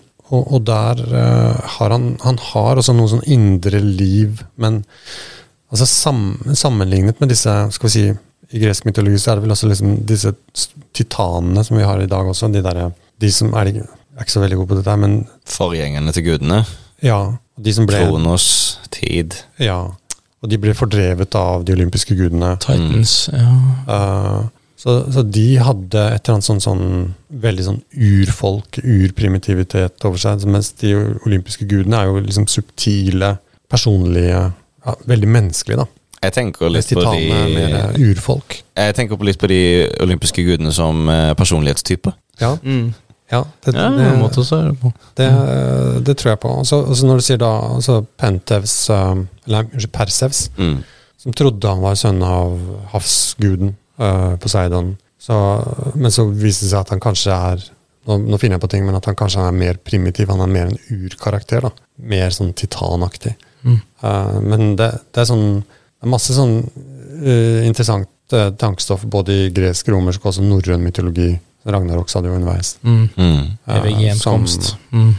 ja, det er det. Og det, det er et eller annet der som påvirker historikerne til å si at, eh, at Herakles da har den statusen av å være vis. da. Mm. Det man kaller en sirkulær tidsforståelse, eller sånn. At det ikke er lineært, sånn som vi har i dag. Ja, Kristeninntoget ja. kom, og dette det med at eh, ja, nært at det går om igjen og om igjen. sant? Ja, Det er liksom en brå død, og så begynner det på nytt igjen. ja det er det. Jeg tror allerede tykketid er veldig sånn lineær. Men i gresk mytologi Mm. og historisk kosmologi så er det sirkulært. At det er um, gjentagelsen av, av nøyaktig det samme handlingsmønsteret. Eller det utfolder seg på samme måte, for det er en plan. Mm. Jeg vet ikke om det er i gresk mytologi at det, sånn, at det samme skjer igjen, men det er i hvert fall sirkulært at det kommer tilbake i en viss forstand. da. Mm. Men tykketid, historikeren, tar jo avstand fra det, og, og så, noe som disse antikke folk som allerede var mytiske i, på Tykkedids tid, sånn som Minos fra, fra Kreta. Det som er gærent med han, er at han tenker ikke ansvarsfullt, han er ikke lineær i sin tenkemåte. Så Tykkedid kritiserer Minos for å ha en sånn feil forståelse av hva tid er. Mm. Og Tykkedid er en sånn historiker sant, som etablerer hva historieforståelse er. da. Noe som skjer, og så skjer det etterpå noe annet, og det kommer aldri tilbake. Mm. Herodot er litt annerledes i det. Her, Herodot, ja. En av de første anerkjente historikerne. ikke Ja, Den heter jo Historia, den boka hans. Mm. Uh, men det greske ordet historia er jo mer sånn Det betyr ikke historie, sånn Det sett. er mer sånn, ikke sånn, sånn Du har jo Aristoteles sin historie animalum med sånn, Exactly. sånn dette vi, undersøkelse, litt sånn rapport av en undersøkelse, sånn dette har vi sett på, dette Ja. fant vi ut av, litt sånn. Det er det. Ja. Er det. Ja. Mm.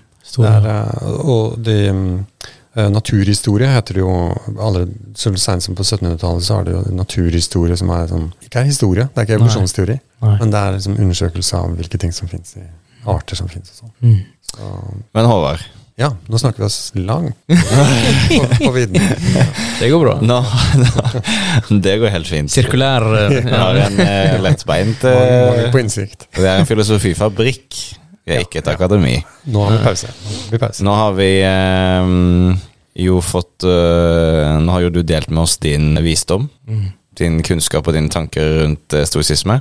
Nå nå har vi jo liksom Vi har lært deg å kjenne litt gjennom det du har fortalt, Ja. og gjennom dine tanker og, og det du kan. ikke sant? Vi vet jo hva du er interessert i. ja. Ta oss med litt på den, den reisen som du har gjort som gjorde at du ble interessert i dette du nå har fortalt oss om. Ja, riktig. Det er, det er ikke så lett, det, altså. Men um, jeg kan prøve. Um, sånn litt sånn lettbeint så, så pleier jeg å si at jeg er veldig opptatt av å være i fred. Altså Jeg er tilhenger av én ideologi, sier jeg at det er 'leave me alone', liksom. Så, Leave me alone, liksom, ja. Not in my backyard, liksom. Ikke? Yes, det? La meg være i fredisme. ja. Ja. Så, det grunnleggende behovet som på mange måter har strukturert livet mitt, er nok det at jeg eh, trenger å få være i fred. Det betyr ikke at jeg ikke bryr meg om ting. Jeg bryr meg om sosial rettferdighet, mangel på sådan. Jeg bryr meg om politikk, men jeg har et veldig stort behov Mm. for å skjerme meg. Mm. Det tror jeg er viktig biografisk data, som min mor også ville være enig i. Jeg har uh, store problemer med menneskemengder, lyd. Ikke sosial angst, men uh, ja, du finner ikke meg på festivaler, for å si det sånn. Nei. Nei. Biblioteker, ja. Bøker. Uh, men også det at det er veldig regulert, det er stille. Mm. Jeg, jeg betaler gjerne 60 kroner ekstra for å få stillevogn på toget og sånn. Det er ro. Altså, Ja. det Det er er for ekstern ro. ja, opptatt av det. Mm. Så det, det er veldig viktig livskvalitet for meg, da. Så jeg lever innenfor en ganske beskytta sfære. Hvis jeg hadde vært ført for 500 eller 1000 år siden, så hadde jeg sannsynligvis tilhørt et eller annet kloster et eller annet sted. I hvert fall hvis det var mulig kompatibelt med å ha familie. Det er jo noen klosterbevegelser som hadde det, det i hvert fall før renessansen. Mye av disse behovene ble jo truffet det, det traff meg midt i hjertet da jeg flyttet til England, til Oxford, for å studere, for der har de på en måte den beskyttede akademiske tilværelsen. Mm. Og så kom jo det i konflikt med det at jeg er veldig dypt opptatt av norske verdier som sosial rettferdighet og likhet og sånn. Så det Mm. som motiverer meg til uh, å være lærer, er jo det at jeg tror på norsk skole, likhetsskole, fortsatt. Det er en truet Mm. dyreart, men jeg tror fortsatt på likhetsskolen, at det er lik rett og like muligheter Mm. til utdanning. Det ble veldig utfordret i Oxford, hvor, hvor det ikke er mulig. Det blir også utfordret når jeg leser antikk filosofi, som er antikk elitekulturer. Men jeg prøver liksom å tilpasse disse mm, flotte tingene, gresk filosofi og Oxford University, og tilpasse det til norske forhold, og finne de norske eller skandinaviske eller sosialdemokratiske, om du vil, verdiene i det. Mm. Da er stoisismen viktig for meg, fordi jeg opplever at Platon og Aristoteles er mye, mye mer eliteorienterte. Stoikerne har dette begrepet om kosmopolitiske, altså at alle mennesker er rasjonelle og derfor i utgangspunktet har den samme muligheten til å utvikle seg. Mm. I hvilken alder lot du deg sjarmere av filosofien? Jo, det, altså det, jeg har jo vært ung en gang, jeg òg. Så jeg, jeg begynte på filosofi fordi jeg var forelsket i en jente som begynte på filosofi. Ja, okay. Så det var ikke noe sånn at jeg hadde en livsplan. Var det sånn på 1700-tallet en gang, eller? Det var vel 1800-tallet. Ja. Begynnelsen av 1800-tallet. Romantikken. Romantikken. Ja, ja, ja, ja. ja. Det er ikke opplysningstida? Nei, nei. nei. Jeg var ferdig med den. Ferdig med den, ja. ikke sant? Ja. Nei, så da var jeg, eh, så var jeg i siviltjeneste, militærnekter, da. 24 var jeg vel, og begynte på filosofi i Oslo, Mm. der omkring. Men, men da ble jeg veldig fort betatt av det, og spesielt av disse litt sånn gamle tingene. eh, Så jeg begynte raskt å studere klassiske språk, og da var det veldig upopulært. Vi var bare to studenter. Jeg husker Kyrre, som var den andre, og jeg. Og han var doktorgradsstudent, så jeg begynte på studiet, så kunne jeg jo ingenting. Mm. Han var magister eller doktorgrad, jeg husker ikke. Men han kunne veldig mye gresk og latin. Så hadde jeg jo fem lærere og to studenter. Det høres ideelt ut. Ja, det var stille og rolig i hvert fall. Eh, så jeg var der noen år, tre år. Jeg tror dette var i tiende etasje på HF-bygget. Og det var jo veldig fint. Jeg husker lesesalen der, og det var veldig, veldig rolig. Så da satt jeg stille og rolig og leste antikke ting, mens det var på slutten av forrige årtusen. Nei, så jeg drev på med det, og så fikk vi da en eh, ny eh, lærer på filosofi som, som eh, jeg syns var veldig inspirerende. Han het Eivi Emelsson, en islending, som da kobla meg på antikk filosofi, da, for da kunne jeg jo disse språkene. Altså jeg hadde egentlig mest lyst til å sitte og lese gamle tekster, for da får du jo være i fred. Men så, så var jeg ikke så veldig god på det. Eh, Du skal være ganske god i språk for å liksom kunne leve det. Så jeg fikk det ikke helt eh, til på det nivået der. Da. Så, så da var jeg tilbake til filosofi, og da hadde vi heldigvis fått en ny lærer på filosofi som kunne mye mer, eh, egentlig, enn den forrige læreren, og som introduserte meg for helenistisk filosofi, som heter. Stoisk, epikureisk, kynisk filosofi. Kynismen, ja. Mm. Skeptikerne, alle disse spennende folka, da. Ja. Og da ble det jo mye mer å velge mellom hvis man skulle lese gamle tekster og forske på det. Mm. Så ble jeg sendt på en måte til en eh, På sånn ett års opphold Ikke sendt, men jeg fikk et tilbud om at jeg kunne besøke en stoikerekspert i Oxford. eh, som het Susanne Bobsin. Da hadde jeg to små barn, så reiste sammen med sønnen, sønnen min Olav, som akkurat nå har fått barn selv, så jeg er blitt bestefar. Hey. Lavrans. Gratulerer. Takk. Gratulerer. Ja. Mm. Uh, Olav var med da, husker jeg, til Oxford. Han var liten. Fy, tre år var han vel. Tre år. Og så fikk vi ikke lov til å komme inn på colleget, for det var no access for barn. Mm. Det var et første sjokk. at det liksom, Oi, her var det noe rart. Mm. Så da måtte veilederen komme ut på kafeen. Fordi jeg kom med barn, så ble jeg stoppet i resepsjonen og si nei, du kan ikke gå på besøk til Dr. Bob sin med, med barn. Det er ikke lov å ha barn her. Mm. Så måtte Susanne komme ut på kafeen som lå på hjørnet på High Street, og så satt vi der. og Det var kjempehyggelig. Og så ble jeg liksom hekta på, da. Og så reiste jeg tilbake med hele familien året etter. Og da var jeg der i fire år og ble skikkelig bitt av basillen på alle måter. Mm. Kjempefine år. Masse hardt arbeid. Mm. Sene kvelder med mye bøying av latinske verb og sånn. Måtte kunne disse tingene ganske godt da, Mm. for å konkurrere med de andre. Du sier at du var ikke så flink i det. Var det liksom sånn eh, gammelgresk og latin med Oslo-dialekt, eller? eh? Det er, det er noe med det at du, du um, Det er en grunn til at de begynner med språk når de er veldig små. Mm. Altså at jeg, Mine barn, mine første barn nå, jeg har en stesønn også, så jeg har oppdratt tre barn til sammen. Og mine to første barn de vokste jo da opp i England med norsk og engelsk som språk. Mm. Så de var tospråklige, og, så, og det så jeg jo veldig verdien av. Ja, det var fruktbart å kunne de språkene som barn. Og så lærte de seg tysk, faktisk. Vi kom tilbake til Oslo uten at vi hadde glemt å melde dem på en skole. så kom vi tilbake til Oslo, så hadde vi ikke noe skoleplass. Så, så måtte vi liksom finne ut av hva gjør vi da. Så var det en liten skole i Sporveisgata på Majorstua, som- den tyske skolen. De hadde plass. Og det var den perioden hvor SFO kosta mye penger, så det, det var ikke noe dyrere for oss å ha barna der enn å ha barna i norsk skole, for SFO var så dyrt. Mm. Så vi betalte skolepenger på den tyske skolen, for der hadde de gratis SFO. Ja. Ja, Ah. så betalte det samme som i norsk skole. Men eh, jeg vet jo at det er litt vanskelig å skulle betale skolepenger, da. Det var jo, det er ikke en privatskole, men det var jo stort sett eh, de som jobbet, altså tyske familier, da. Mm. Der var undervisning på tysk, og det var et nytt språk for mine barn. De assimilerte det tyske språket ganske raskt, og når de var 10-12 år, da, så hadde de møtt tre språk, ikke sant. Mm. Og det tror jeg liksom er grunnlaget for måten de underviser gresk og latin på i en del andre sånn mer eliteorienterte land, da, som eh, England, Frankrike og Tyskland og sånn, at de, de medstudentene jeg hadde i Oxford, de hadde lært de klassiske språkene tidlig på skolen. Og det er jo veldig uvanlig i Norge. Det er, men jeg kan se verdien av det, for du lærer det så mye fortere. er Mm. Litt mer føyelig sinn, holdt på å si at du Ja. Mer sånn plass Hva hva det heter Flytende ja, plastisitet. Plastisk. plastisitet, ja. Ja. Hjernen er som en svamp når man er Ja, liten. Er Suger til seg eh, Suger til seg, og opplever det som helt naturlig at her er det to måter å tenke på, og mm. lære meg begge. Og det, det, det er mye verre når du begynner når du er liksom 22 eller 24. Ja. Ja. Jeg holder jo på med, med latin nå, Ja, uh, og tar det, så Ja. Ikke lett. Eh, men, uh, men sånn som for eksempel når jeg var yngre, så Engelsk lærte jeg, følte jeg lærte ganske kjapt. Ja. Egentlig bare av å se på TV-en og, ja. og, og litt sånn Ja, sånn teksten norsk og, og sånn. Og, mens nå merker jeg jo det, ja, det, det er jo en forskjell, sant. Og jeg har jo hatt tysk og spansk før, og Mm. sånne ting, så har jeg jo litt sånn språk som har fått mye arv fra, fra latin, men men det er liksom vanskelig. Jeg må liksom innom mye teori og for å på en måte helt tatt For en tenker litt annerledes Ja. også, sant. ja. En tar ikke det bare inn.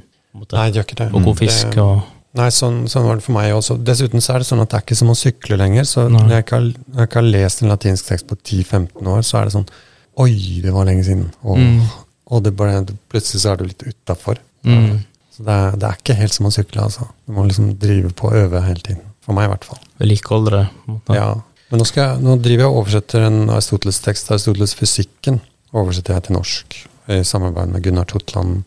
ja. Gunnar er en gammel venn i Vidar-forlaget. Den videre så blå eh, norsk blå, Ja, så, Mm. Så norsk eh, hadde han først, mye av Vidars, eh, Gunnars, eh, Vidar, Gunnar Vidar-forlaget. Som eh, så hans innsats, så ble jo Platon på norsk da, Mm. for en del år siden. Og da var jeg Ja. med på det, og så nå, nå jobber han med Aristoteles, hele korpuset. Hele korpuset, er ikke Ja, det er vel ikke helt uh, oversatt. Det var fysikken og litt forskjellige andre. Metafysikken og en del av biologiverkene tror jeg Mm. gjenstår også. Men mye har kommet. Vi har jo en sånn eh, ting her i fabrikken, Håvard, at eh, vi ønsker jo at gullgåsa Guro skal klekke et gullegg.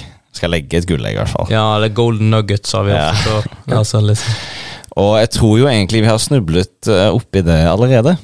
Ja, Og det tror skal skal jeg jeg bli lett, lettet over det, kanskje? Ja. Ja, det skal du. ja.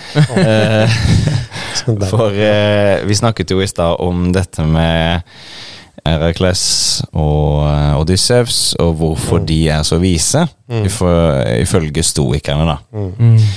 Jeg tror kanskje den at de er i harmoni med sin egen natur.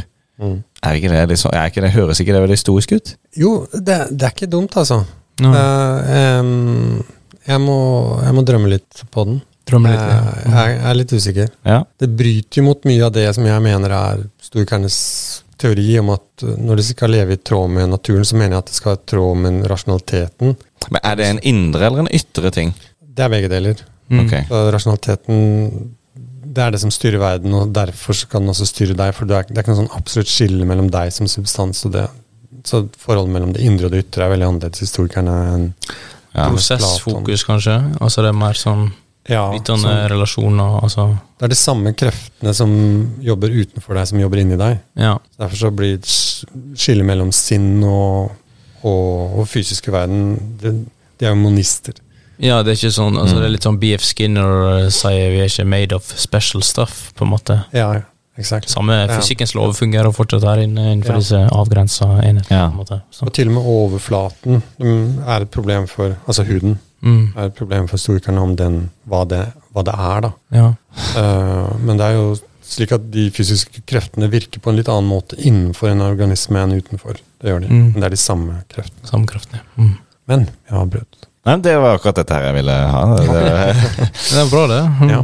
Nei, men så bra. Vi prøver å også komme fram til en liten sånn Minikonklusjon, en. Ja, en Ja. slags konklusjon. En liten nugget, noe som lytterne kan ta med seg. ikke sant? Ja, ok, dette, tar vi, dette har vi fått Ja. ut av denne episoden. Ja. Konklusjon, oppsummering, liksom alle det, på en måte. da Har du noen tanker om hva det kunne vært? Hva som helst? Les en bok. Les en bok. Slå opp i registeret bak. Les en bok!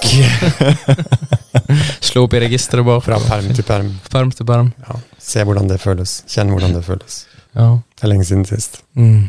Og for folk som er som ikke er så flinke til å lese, som ikke er så lesehester, Gjør det likevel. gjør det likevel. ja. Bli en lesehest. Lytt til hesten, vet du, som drar deg Ja. eh, Det. Nei, men Skal vi si det slik, da? Ja, vi kan si det slik. Har du, du har ikke noe mer på hjertet nå, Håvard? Eller har du kanskje det? Jeg har mye på hjertet. Tusen takk Ja. for at jeg fikk komme. Det var veldig gøy Ja, å være med. Koselig. Vær så god for at du fikk komme. Ja. Det var veldig hyggelig å ha deg her. Dette har vært eh, episoden om eh, stoisisme her i Filosofifabrikken. Mm. Hvordan var det å sitte her med vernehjelm og refleksvest, Håvard? Var det greit? Skummelt. Var det skummelt? Det gikk bra. Det gikk bra. Gikk Mm. bra? Er du litt letta nå? Ja, nå skal jeg ta meg en pause. Ja. Indre, indre ro. Ja. Nå, nå, nå oppnår du stoisk ro, nå. Stoisk ro, ja. Mitt navn er Pål. Tusen takk for at du har lyttet, og velkommen igjen. Yes. Ha det bra. Filosofi.